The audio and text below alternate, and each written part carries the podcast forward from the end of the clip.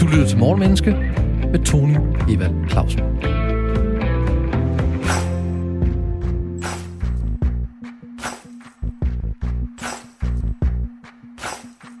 Intet tidspunkt er bedre end nu. 2021 er nu halvvejs, og verden er i den grad forandret det seneste år. Coronapandemi, restriktioner, OL og en sommerferie mere i Danmark end udenfor. Hvad kan vi lære af de store og små nyhedshistorier, aktuelle begivenheder og tendenser? Og hvad kan de ting, der er sket, fortælle os om os selv, adfærd og psykologi? Ambitionen i Morgenmenneske er at gøre både dig, gode lytter, og os selv klogere på mennesker og adfærd fra morgenstunden. En mental morgengymnastik, hvis mål er at udfordre vores, altså din og min, vilje til at gå på opdagelse i mennesket, i beslutninger og handlinger. Du og jeg har selskab af en eller flere morgenkloge gæster, der både har en mening og en viden, der kan belyse de psykologiske og adfærdsmæssige baggrunde for aktuelle emner og begivenheder. Og så i øvrigt godmorgen og velkommen til Morgenmenneske. I dag handler Morgenmenneske om et liv i det ydre rum. NASA's Perseverance-modul landede tidligere på året på Mars' overflade. Det samme gjorde Kinas modul. Hver for sig vil de nu søge efter tegn på liv og alt muligt andet. USA's kongres har bestilt en rapport fra deres forsvarsministerium om, hvad de ved om det, vi engang kaldte UFO'er, men som nu får et andet navn, nemlig UAP, uidentificerede aurorale fænomener.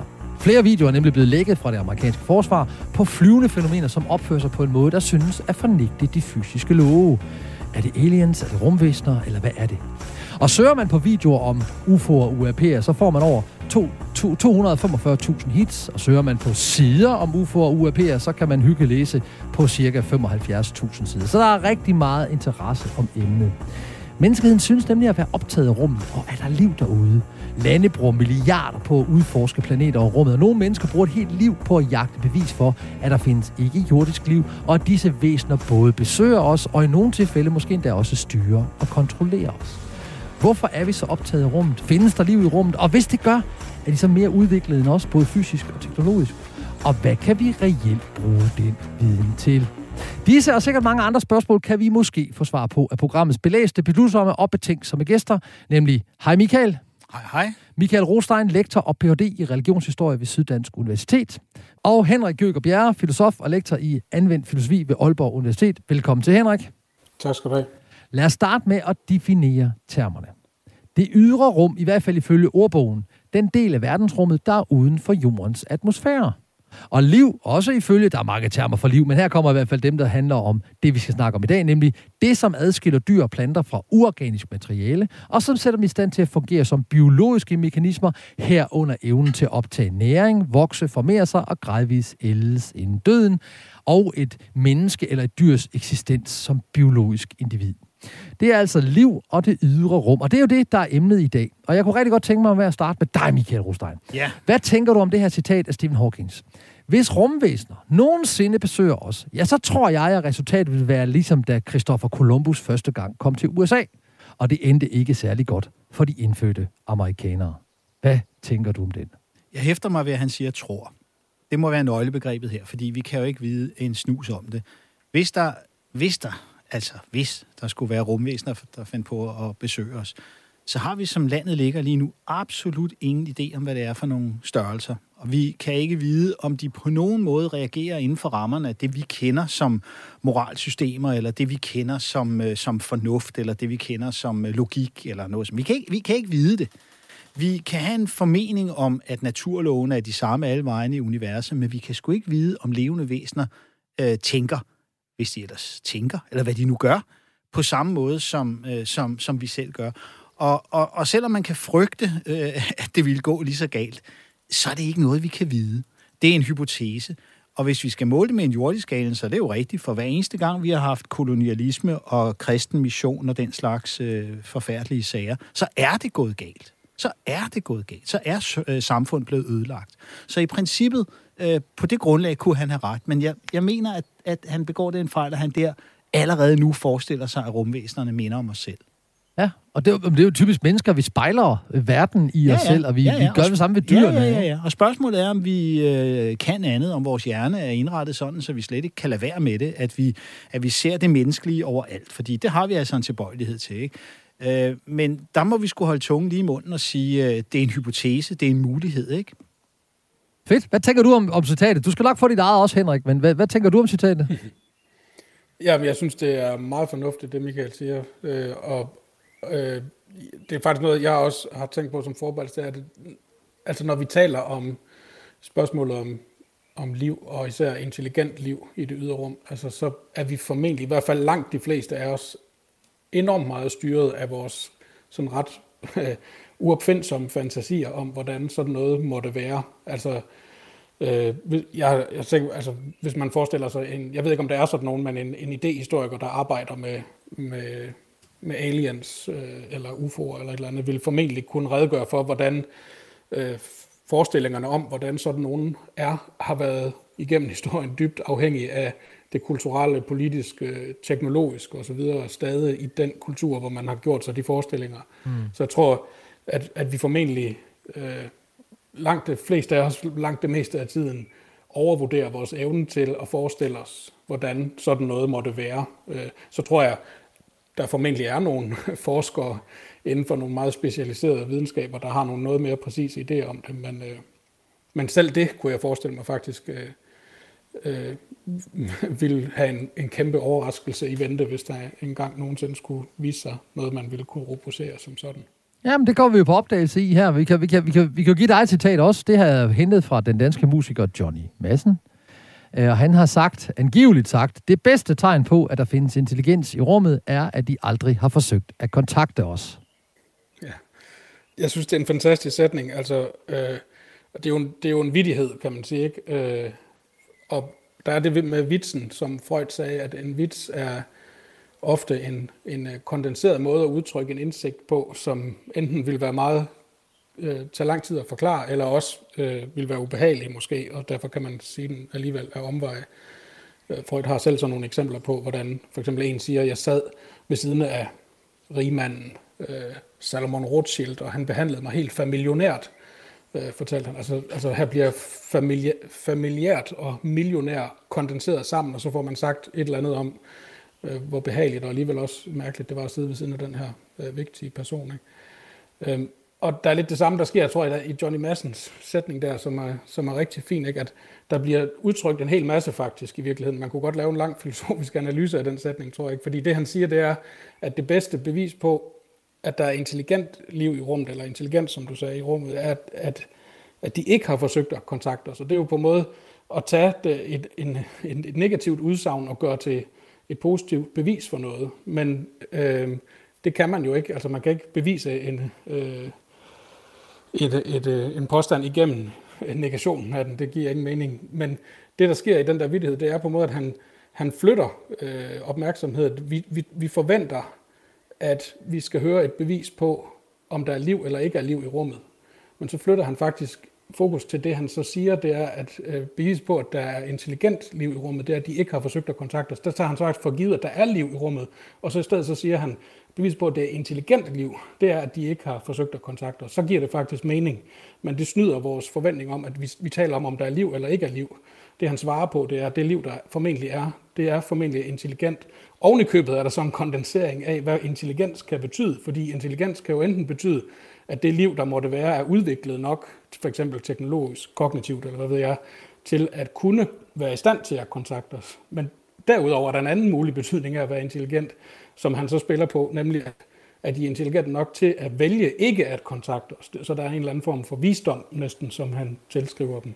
Så der foregår øh, rigtig mange ting, øh, sådan at den sætning, der egentlig næsten er meningsløs i første omgang, faktisk får sagt en hel masse om, at vi må antage, at der er liv, og det liv, der er, er intelligent, og det er ovenikøbet ikke bare intelligent i sådan en teknisk forstand, men det er ovenikøbet også er fornuftigt, kunne man næsten sige nok, til at vælge ikke at kontakte os. Og af omveje siger det så også noget om os øh, selv, som er noget af det, som, som Michael var inde på, ikke? At, at vi har en tendens til at overvurdere os selv, og det, som bliver udtrykt der i Johnny Massens sætning, det er jo også, at, at den overvurdering, at den, at den gør han lidt selvironisk grin med, ikke? at sige, at de vil formentlig være kloge nok til ikke at kontakte os, enten fordi vi er ikke værd at kontakte nærmest, ikke? eller også fordi netop, at vi har en tendens til at, at fuck tingene op, kunne man sige. Ikke? Ja, tak. Og så kan man sige godmorgen og velkommen til Anvendt Filosofi. Det, er, det var fantastisk. Du har simpelthen lige gået på en analyse af filosofen Johnny Madsen, som aldrig er sket før i verdenshistorien. Det er fantastisk godt set.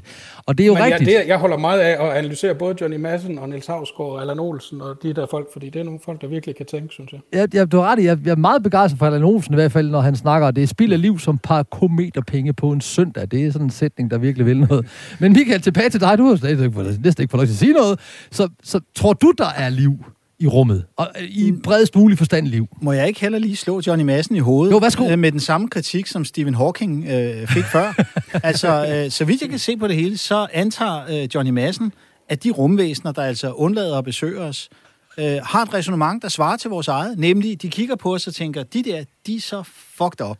Så dem må vi hellere holde os fra. Ikke? Og det er, jo en, det er jo et menneskeligt resonemang. Altså, det er jo det samme, vi vil gøre. Vi kigger ind i rockerborgen, eller ind i swingerklubben, eller ind i en eller anden subkultur, vi ikke trives med, og så siger vi, nej, det er sgu ikke noget for mig, jeg holder mig væk. Og, og, og, og, så det kender vi fra os selv, og nu tilskriver han altså rumvæsenen den samme mekanik, ikke? Altså, de kigger på os og, og har et menneskeligt resonemang. Så han har stukket foden i den samme revsaks, ikke?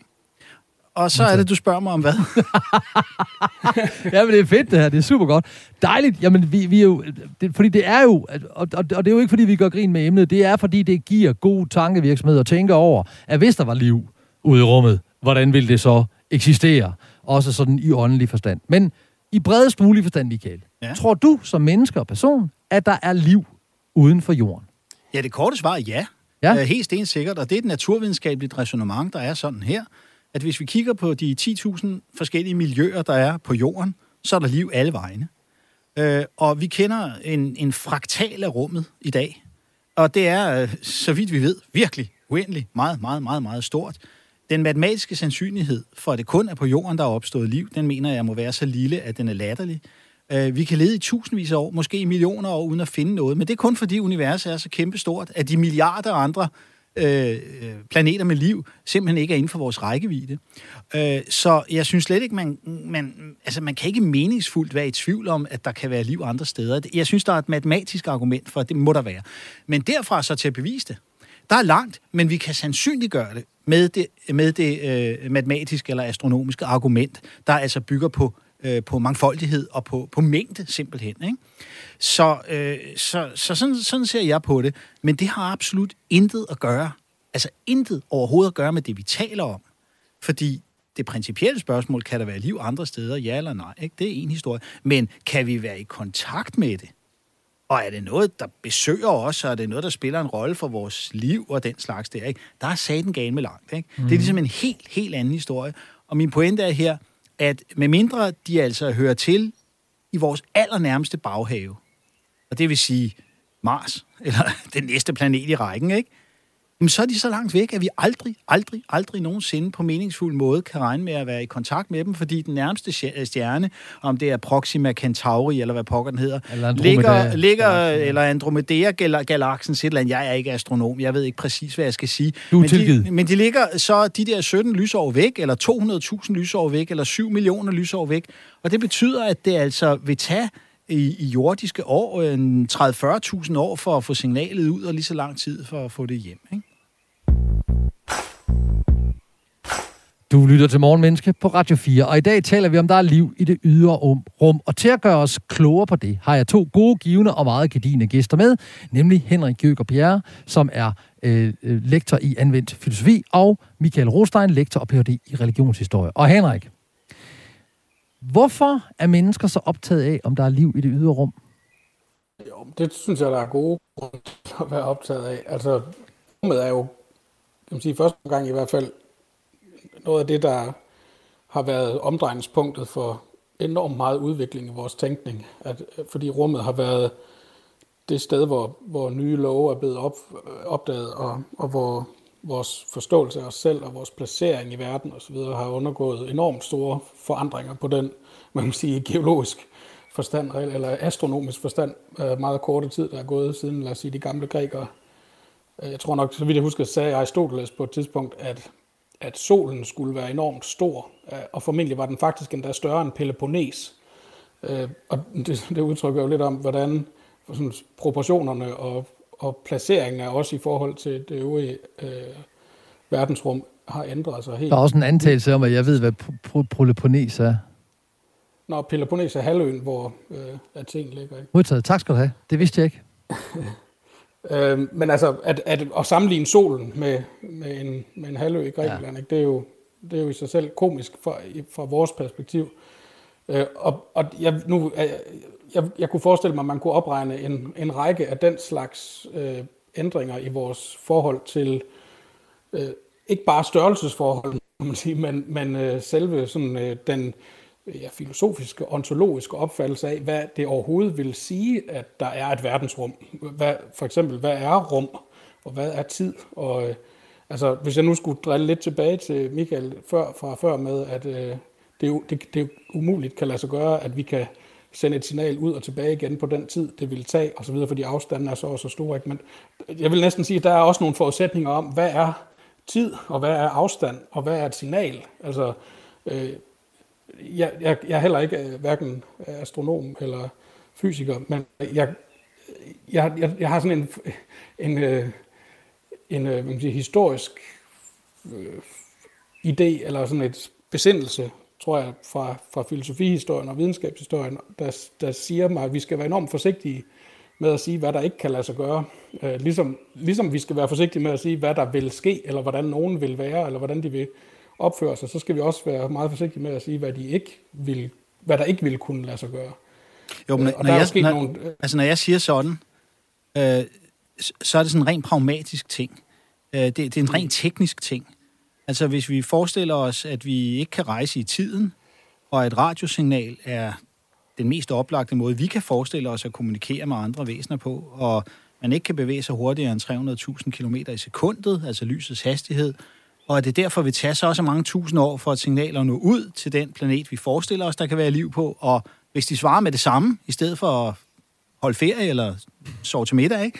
Øh, så er der lige så lang tid øh, for svaret om at nå tilbage. Og så er der gået 30.000 år. Altså, mm. det, det er sådan en rent pragmatisk ting, om at det vil være vanskeligt for mennesker at administrere. Det kan godt være, at 30.000 år ikke er nogen tid for vores venner derude et sted. Det er jeg helt med på. Men for os vil det være svært at administrere, ikke? Altså, med mindre... Ja, helt, altså, det er det er med på. Men bortset fra, altså, jeg synes også, når du siger et radiosignal, det, altså, det ringer en klokke for mig, jeg kan sige, hvorfor i alverden skulle et radiosignal være den ultimative øh, nej, nej, parameter for, det siger jeg heller ikke. Hvad der gøre? Det, det siger jeg heller ikke. Jeg siger bare, ud fra menneskelige forudsætninger, så har vi ikke andet at gøre godt med. Vi ved ikke mere om naturen. Vi kender ikke naturlove, der transcenderer den mulighed. Det vil sige, skal vi gøre noget ved det i dag, så bliver det på det niveau. Og så kan det godt være, at de sidder derude og griner af os og tænker, har de ikke engang opdaget det og det, som, som jeg ikke kan tænke mig til, fordi jeg ikke har nogen idé om, at det eksisterer. Men det kan da godt være, at der er nogle ting, vi slet ikke kender, som vil gøre det muligt for os at kommunikere. Men vi kender dem ikke nu. Det findes ikke. Men, men, Klart. Derfor er alle vores konklusioner også bygget på det, vi ved lige nu. Det er klart. Og, og der, hvor jeg tror, I, I, I står på hver jeres side af, det der ligner en kløft, det er jo følgende. Jeg er født i 1970. Lad os nu tage en tidsmaskine tilbage til 1970. Den dag, jeg blev født den 23. december og så sige til øh, den der læge, der tog imod mig, eller jordmor, der tog imod mig, nu skal du høre, på et eller andet tidspunkt, så kan du tale med hvem som helst på et hvilket som helst tidspunkt, på et aggregat, du kan have i hånden, som har strøm i sig, hvor du i øvrigt også kan se din præcise position på et hvilket helst givet tidspunkt, og du kan se vedkommende, du taler med, samtidig med, at vedkommende står på den anden side af jorden. Så vil man dengang have sagt, det kan ikke lade sig gøre, fordi man vil have gået ud fra den teknologi, der var på daværende tidspunkt. Ja, det er fuldstændig rigtigt. Med den tilføjelse, er, at der er ikke nogen ting i en mobiltelefon, mig bekendt, der overskrider de naturlove, som man også kendte, før man havde opfundet apparatet. Det vil sige, man har ikke opfundet en virkelighed, som ikke eksisterede dengang. Man har bare udnyttet den virkelighed, man kendte dengang, på en måde, man ikke kunne forestille sig dengang. Så det er netop, som du siger, en teknologiudvikling, og ikke et skred i fundamentalt det, som, som Henrik før kaldte ontologi, det vil sige idé om, hvordan verden er skruet sammen. Men det, der skal til for at kontakte rumvæsener, rumvæsener, det er at opfinde noget, som vi ikke ved eksisterer i dag. Naturlove, som, som vi, vi ikke ved, ved findes i dag. Men det kan det godt være, at de gør det. Og undskyld, Henrik, nu skal du nok få lov til at komme ind. Det er, fordi vi kan stå her i studiet og se på hinanden. Værsgo, Henrik. Værsgo at sige noget. Ja, nej, men, jamen, jeg er sådan set med, men altså, jeg synes jo lige præcis, at, at øh, det, der er vanskeligt i det her, det er på, det vi snakker om lige nu, det er på en måde at bestemme grænsen for, hvad der er umuligt. eller hvad det vil sige, hvor radikalt et skift ville der skulle ske øh, for at overskride de begrænsninger, som Michael regner op. Ikke? Altså, og, altså, jeg tænker, for, for at tage et eksempel, øh, den, den østriske filosof Ludwig Wittgenstein, han sagde i sit, øh, sit eneste udgivende værk i hans levetid i hvert fald, øh, der hedder Tractatus Logico Philosophicus, der sagde han, at der, find, der findes kun en logisk umulighed. Øh, og det synes jeg på en måde, det, det er på en måde meget radikalt udsagn, hvis man tager det helt for pålyden. Ikke? Altså, og det, jeg hører i det, vi snakker om her, der tror jeg, jeg vil tage Wittgenstein ind og sige, vi taler ikke om en logisk umulighed. Mm. Vi taler om en, som du også siger, Michael, ikke? altså en pragmatisk umulighed, eller en umulighed, der har at gøre med naturlove. Og, og selv naturlove, vil jeg påstå, er ikke nødvendigvis øh, nogen, der stiller logiske nødvendigheder og umuligheder op. Det er de bedste forklaringer og teorier, som er ekstremt velfunderet i visse tilfælde, ikke? men selv naturlovene undergår forandringer. Øh, i den forstand, hvis nu vi tager sådan noget som øh, kvantemekanikken, ikke?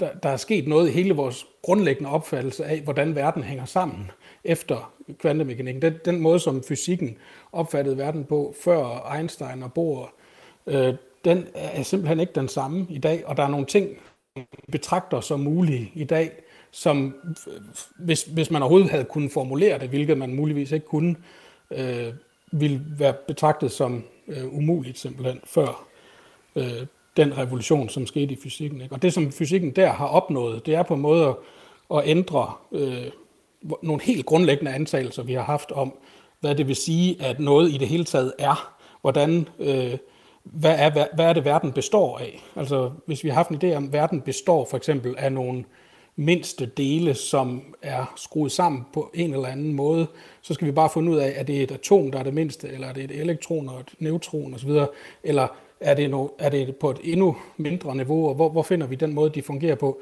Så er, så er vi nået frem til, at der er noget andet på spil, der er noget, noget mere virkeligt i, at øh, det mindste i verden på en måde ikke følger de øh, klassiske fysiske love, som, øh, som ellers havde været gældende frem til dag.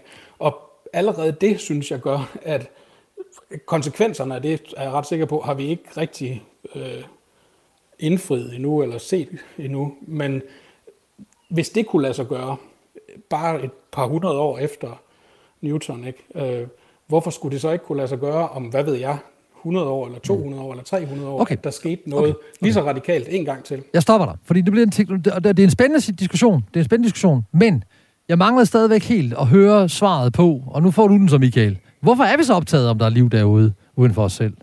Altså, jeg har brugt formiddagen på at sidde og skrive på en artikel, der handler om et lille fund, man har gjort i det sydlige Tyskland i 1976.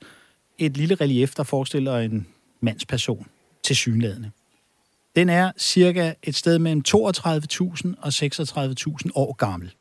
Det er formentlig en af de, altså det er måske den ældste fremstilling af et, et, øh, menneske i øh, øh kropslig aktivitet overhovedet. Altså 35.000 år gammel. Ikke? På bagsiden af den her lille ting, der kun er en 4-5 cm stor, øh, der er der et antal øh, graveringer, ligesom små prikker eller sådan noget lignende. 88 små huller. Og øh, når man undersøger det antal og måden, de er legnet op på, og undersøger, hvordan stjernehimlen så ud på det tidspunkt for 35.000 øh, år siden, så kan man lave sådan lidt astronomisk øh, fiksfakseri og sandsynliggøre, at de mennesker, som for 35.000 år siden lavede den her lille genstand med et menneske på den ene side og et stjernebillede på en eller anden måde på den anden side. øh, der er noget kalendersystem i det og så videre. Det er for vidt, for, for vidt at forklare det i detaljer nu, men altså, man kan sandsynliggøre, at de har haft en glasklar bevidsthed om, hvordan stjernehimlen opførte sig. Mm-hmm. For 35.000 år siden. Altså, vi forestiller os, at 1000 år siden er længe, ikke? eller de gamle Ægypter, eller sådan noget lignende. Læg lige 30.000 oveni. Mm. Ikke?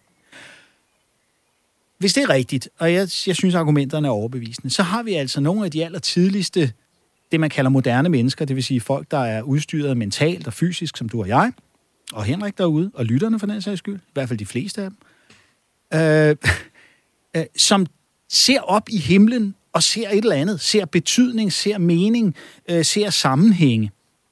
Øh, rummet har på det tidspunkt været noget andet, for de har ikke tænkt, som vi gør, og forstået og vidst, hvad vi ved.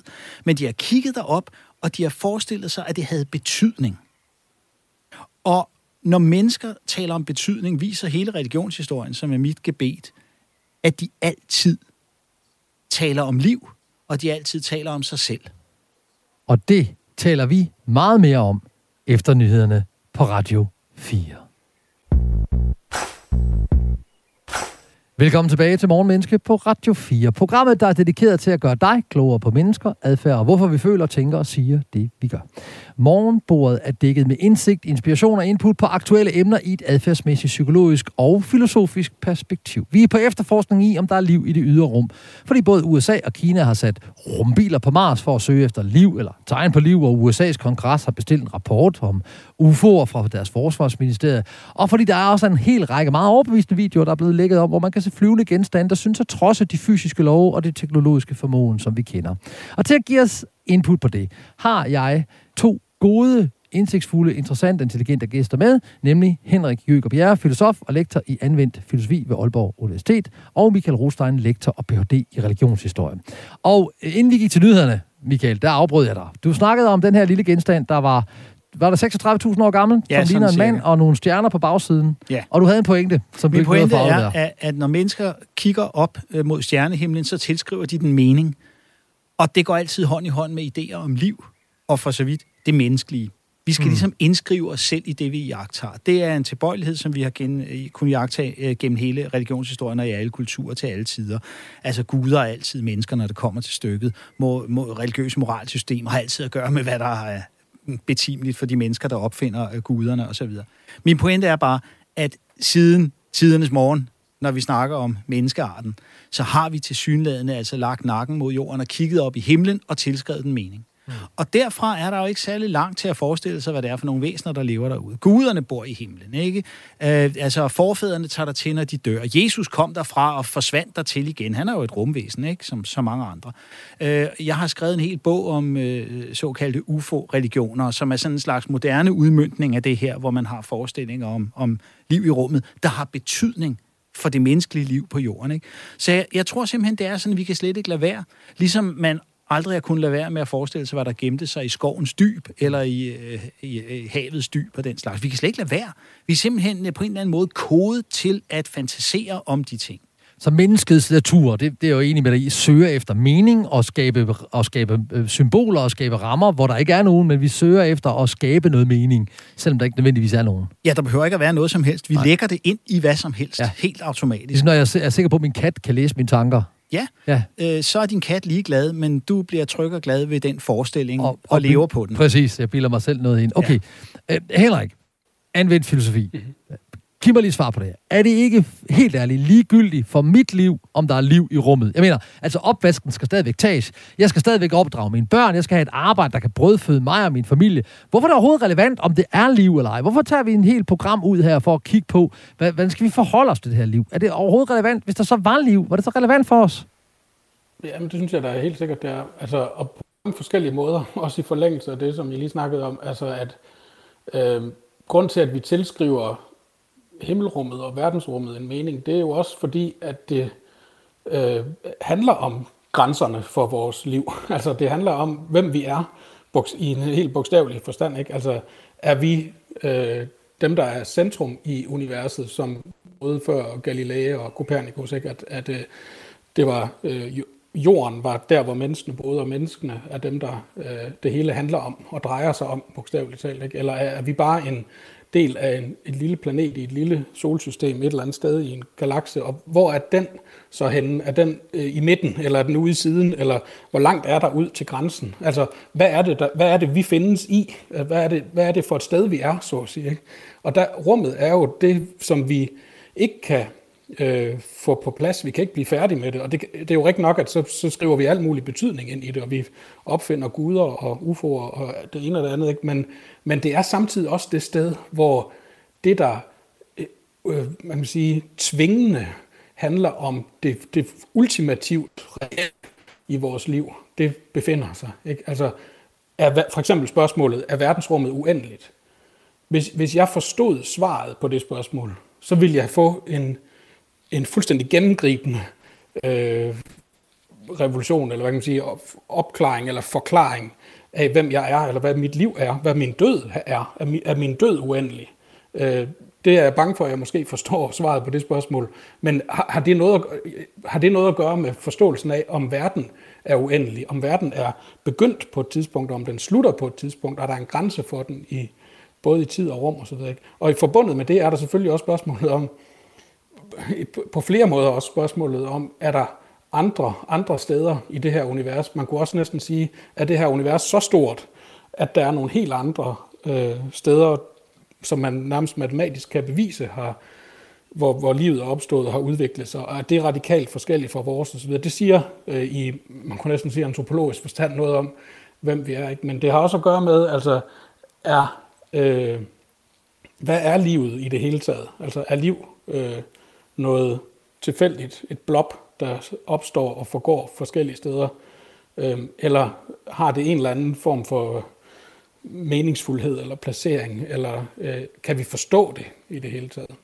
Men Michael, det han taler ind i her, det er jo, hvad, hvad der kan ske sådan i hans erkendelses, var ikke, ikke engang teori, sådan erkendelsespraksis, at jeg pludselig erkender, at der er noget uden for mig selv, og på den måde kan min, min trosystemer falde sammen, religionshistorikeren, øh, ikke også? Fordi ja. at alle mine, mine, mine de værdisystemer, altså alt, hvad vi laver, er jo bygget op af et værdisystem, om vi vil være erkendt eller ej, så er det nogle bestemte værdier, og de flytter sig over tid. Så mm. Mm. Så hvad, hvad tænker du? Er det, er det således, at det ville ændre religionerne og hele vores opfattelse af os selv, hvis vi havde sådan uigendriveligt, uigendriveligt bevis for, at der var liv uden for os selv? Ja, ja, og det ved vi alt om allerede, fordi vi kan se det ske, øh, selvom vi ikke har svar på spørgsmålet, om der er liv andre steder. Det er som nok, at folk forestiller sig, at der er liv andre steder, eller lader sig overbevise om det, fordi så reagerer de jo i overensstemmelse med den forestilling, og så får vi jo øh, øh, syn for savn, sådan gør folk, når de er sikre på, at der er liv andre steder. Ikke? Altså, der findes for eksempel... Øh, øh lad os bare blive i den religiøse andedam, som, som øh, lytterne kender til. Altså, der findes kristne grupper i dag i verden, som øh, af forskellige grunde føler sig så overbeviste om, at der findes liv andre steder, at de har teologiske kvababelser øh, over spørgsmålet, jamen, øh, er Jesus så også Gud hos dem? Øh, da mormonreligionen opstod i 1820'erne udviklede der sig nye myter om, at Jesus han ikke bare øh, var blevet levende igen og havde vist sig frem for folk i Jerusalem, som man kender det fra de kristne tekster, men at han havde taget turen over Atlanten og også havde vist sig som genopstanden med sovmærker og hele balladen på det amerikanske kontinent. For, for nu skulle den nye religion jo trives derover, og så måtte man hive lidt i myterne for at få den til at passe til de nye øh, vilkår eller krav eller betingelser. Og hvis vi så leger, at øh, der også findes øh, rumvæsener et sted, så skal Jesus jo også tilpasses dem, hvis han skal blive ved med at leve op til det, som står i de hellige tekster, nemlig at han har al magt i himlen og på jorden. Halløj, i himlen? Hov, hvor går grænsen for den? Det kan vi ikke lige sige. Altså må han også med nødvendighed være Gud andre steder. Ellers kan han jo ikke være suveræn. Ellers kan han ikke være almægtig. Ellers kan han ikke være universel. Og det vil sige, at, øh, at, øh, at ideen om det udvikler de religiøse systemer helt automatisk. Øh, og vi kan også se, øh, at øh, forskellige kulturer har det meget forskelligt med de her ting. Altså, jeg har brugt de sidste 15 år på øh, årligt feltarbejde blandt øh, jæger og samlere i Borneos regnskov. Det er sådan det, jeg har beskæftiget mig mest med. Altså folk, der lever som nomadiske jæger og samlere i en regnskov og skyder med pusterør og fanger en abe og spiser den, ikke? Og så videre. Folk, der lever fuldstændig anderledes, end vi gør. Når jeg har spurgt dem om sådan nogle ting, så fortæller de mig, øh, om, om ja, hvad skal man sige, de, de, kan have, de kan have en idé om månen, og der er nogle enkelte stjerner, de også godt kan sige lidt om osv., men i det store hele er de fløjtende ligeglade med himmelrummet. Forstået på den måde, at det ikke inspirerer dem til mytologiske eller rituelle eller religiøse overvejelser. Og det undrer mig øh, en del, ikke? Øh, men det viser sig, at de har en helt anden kosmologi, end vi har. De, de, de tænker ikke øh, himlen som som uendelig. De tænker den som en slags tag eller et slags loft, ligesom man har gjort tidligere også i Europa, hvor man mente, at det var simpelthen der, verden sluttede. Ikke? Mm. Øh, og at Gud havde sat stjernerne på himmelvælvingen som en slags lamper eller sådan noget lignende. Ikke? Det vil sige, når man tænker sådan, så får man ikke nødvendigvis tanken om, hvad der gemmer sig derude i dybet.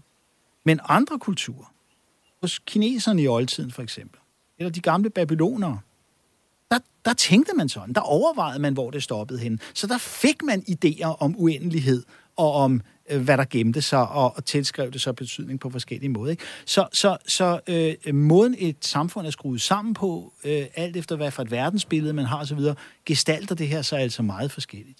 Okay, men, men, men så, så lad os prøve at være anvendt et kort øjeblik sammen med dig, Henrik. Lad os nu antage, at Perseverance eller, eller Kinas uh, rover deroppe, de rent faktisk finder noget, der kan opfylde kriterierne for liv op på Mars. Altså en slags bakterielignende liv. En slags mikroorganisme af en eller anden art, der på en eller anden måde kan hvad ved jeg, spise støv, eller hvad de nu hvad de har på Mars. Ikke? Hvad gør vi så med det, du ved om, hvordan mennesker tænker, og hvad vi har gjort historisk set? Tror du så, at de vil være, være, være fristet til at tage den med hjem? Ja, der er selvfølgelig, det er klart. Det kunne da være sjovt at have sådan en. Altså, jeg har jo også fristet af at tage konkylie med hjem, hvis jeg finder det på en strand i Norge. Ikke? Altså, det, mere avanceret er vi jo heller ikke.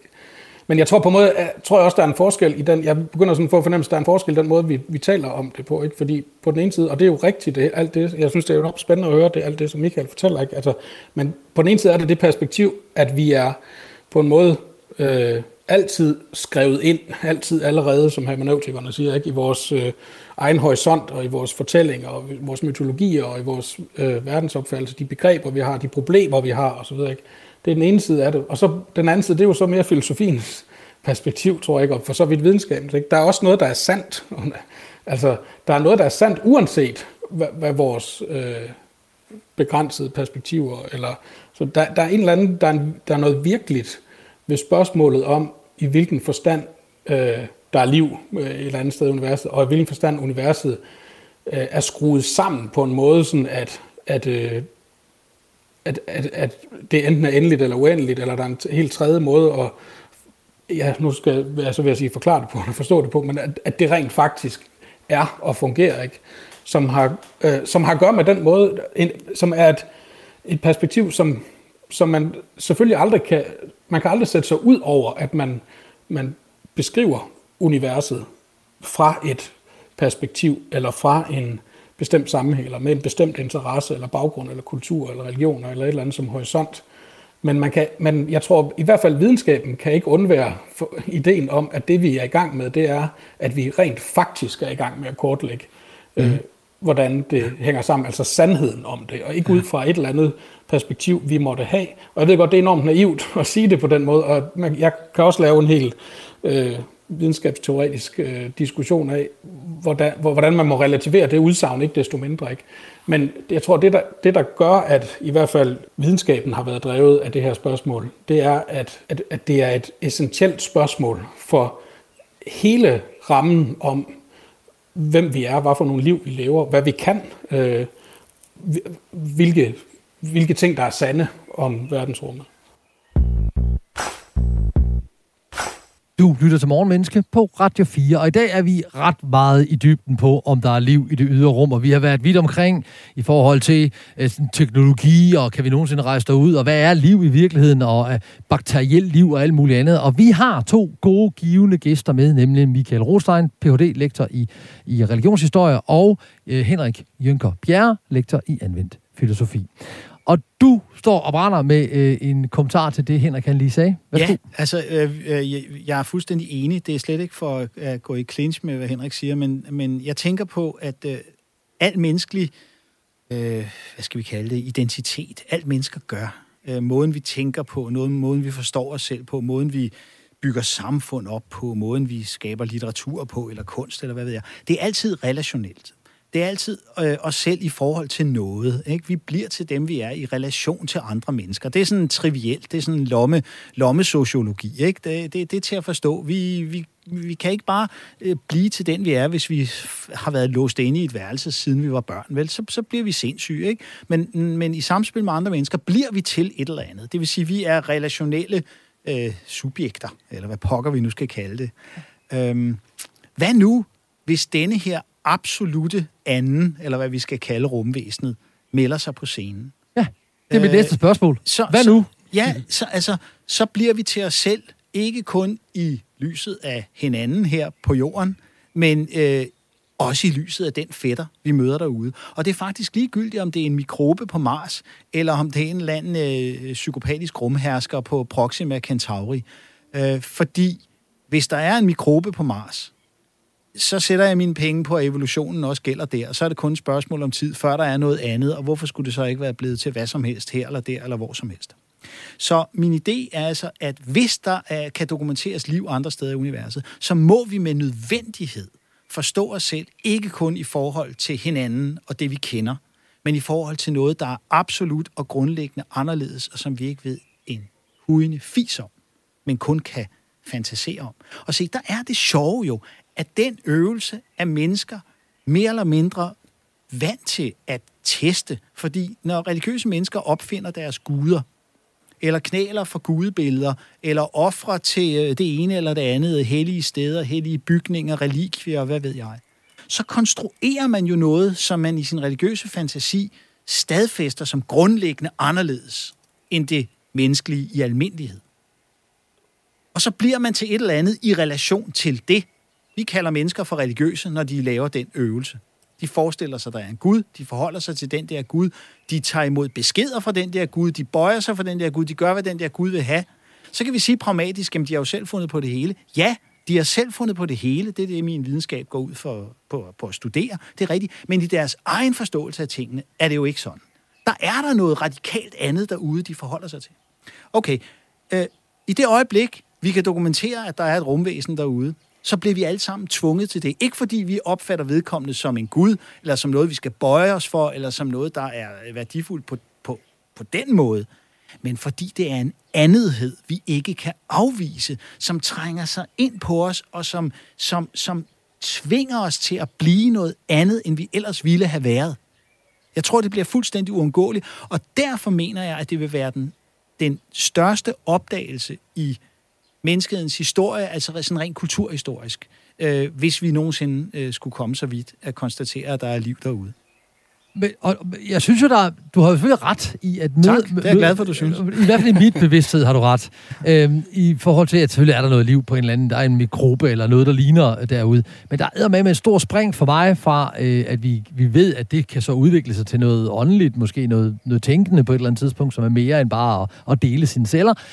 Men hvad nu, hvis der rent faktisk findes tænkende ja, i mangler et bedre ord, beåndede væsener, der er i stand til at trodse de fysiske love, som vi kender den, og, og, og, og manifestere sig foran os, så kan vores identitet, og det snakker jeg spørger også dig, Henrik, vores identitet som verdens herre og, og som, som toppen af fødekæden, så bliver vi lige pludselig bunden. Jeg ved godt, der er lavet masser af science fiction på det her, men lad os prøve at lave en, en anvendt filosofisk betragtning på, hvad sker der i det øjeblik, tænkende væsener manifesterer sig, som, som Michael så, så fremragende her har illustreret. Hvad sker der for os? Hvad er, det, hvad er det for en revolution kulturhistorisk og menneskeligt, der kommer til at ske, hvis det er uigendriveligt bevist, at der findes åndelige væsener?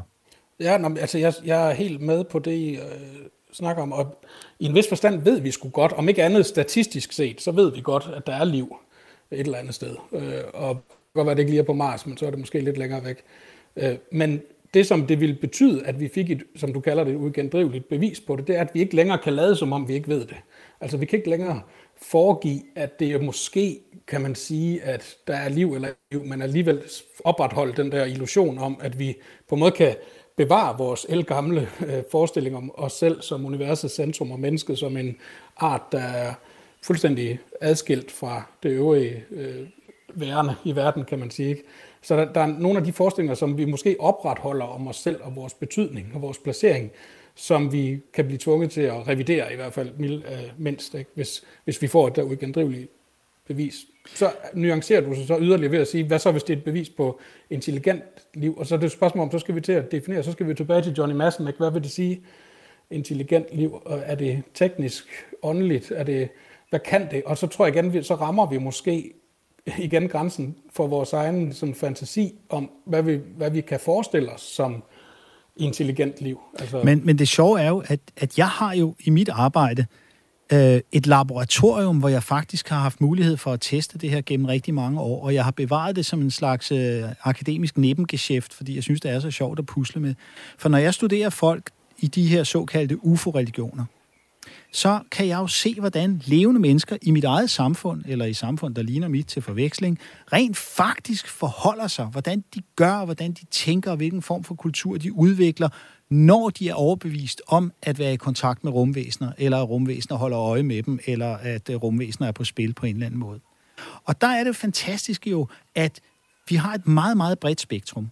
Der er dem, der siger, jamen det, man kaldte guder i gamle dage, viser sig nu at være højt udviklede intelligenser fra andre verdener, som jo altså ikke er andet end væsener, der er kommet længere end os selv, og derfor ikke skal opfattes som guder, men derimod som en slags ældre brødre og søstre, som øh, hjælper os, vejleder os, guider os, som vi selv ville gøre over for andre, som, øh, som øh, har brug for, for assistance.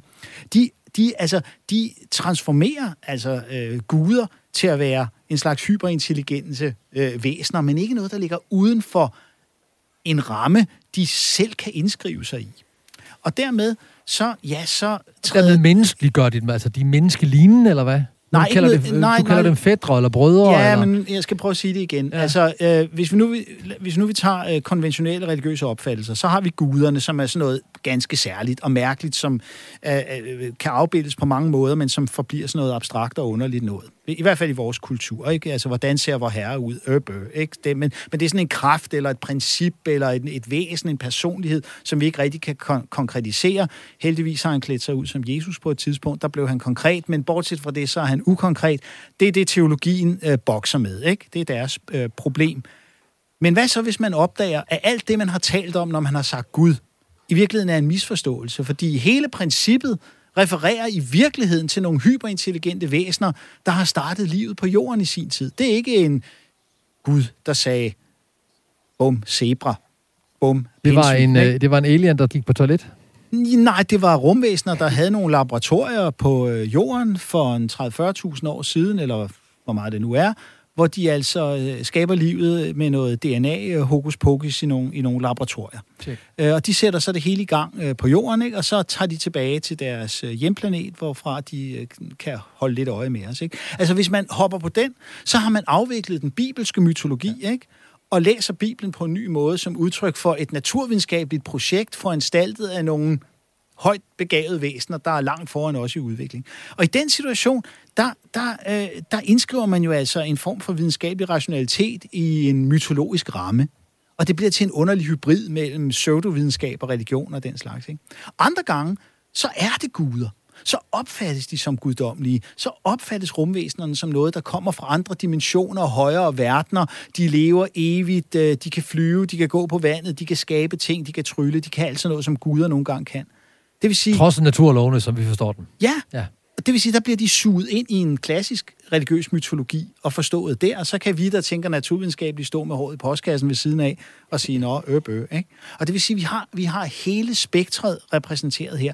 Øh, så, så jeg vil sige, vi bliver tvunget til at forholde os til det.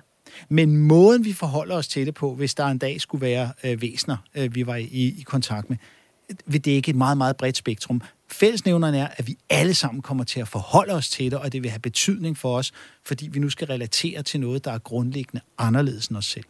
Hvad tænker du, Henrik? Jeg, bare, ja, værsgo. Ja, nå, jeg vil gerne lige bare tilføje en enkelt ting, fordi jeg synes, det er vildt spændende, og på en måde har vi igen det der dilemma eller skisma, eller hvad kan man sige, imellem på den ene side den der tydelige, altså undskyld, men jeg synes, du taler jo meget tydeligt i sådan etnografiske termer, ikke? Eller religionshistoriske. Ja, det gør jeg. Det er sandt. Det er altså, at sådan opfører de og de mennesker sig, og det er sådan helt eksotisk, hvordan man kan skabe sådan nogle øh, mytologier i vores egen samtid om, hvordan man kan forklare det ene og det andet. Øh, så, men, men spørgsmålet er jo, hvad er det, vi skal forstå ved et uigendriveligt bevis? Ikke? Som, det, som du vil anerkende som et uigendriveligt bevis, det gætter jeg på, vil være noget, der, der er markant forskelligt fra det, som de der forskellige øh, eksotiske figurer, du taler om. Eller ja, ja, ja, for de har jo deres beviser allerede. Ja, ja, du har fuldstændig ret. Ja. Der er forskel på, hvad vil det sige at antage, eller mene, eller tro, eller skabe en, en forestilling om noget, ud fra det, man selv kan slutte sig og tænke sig frem til.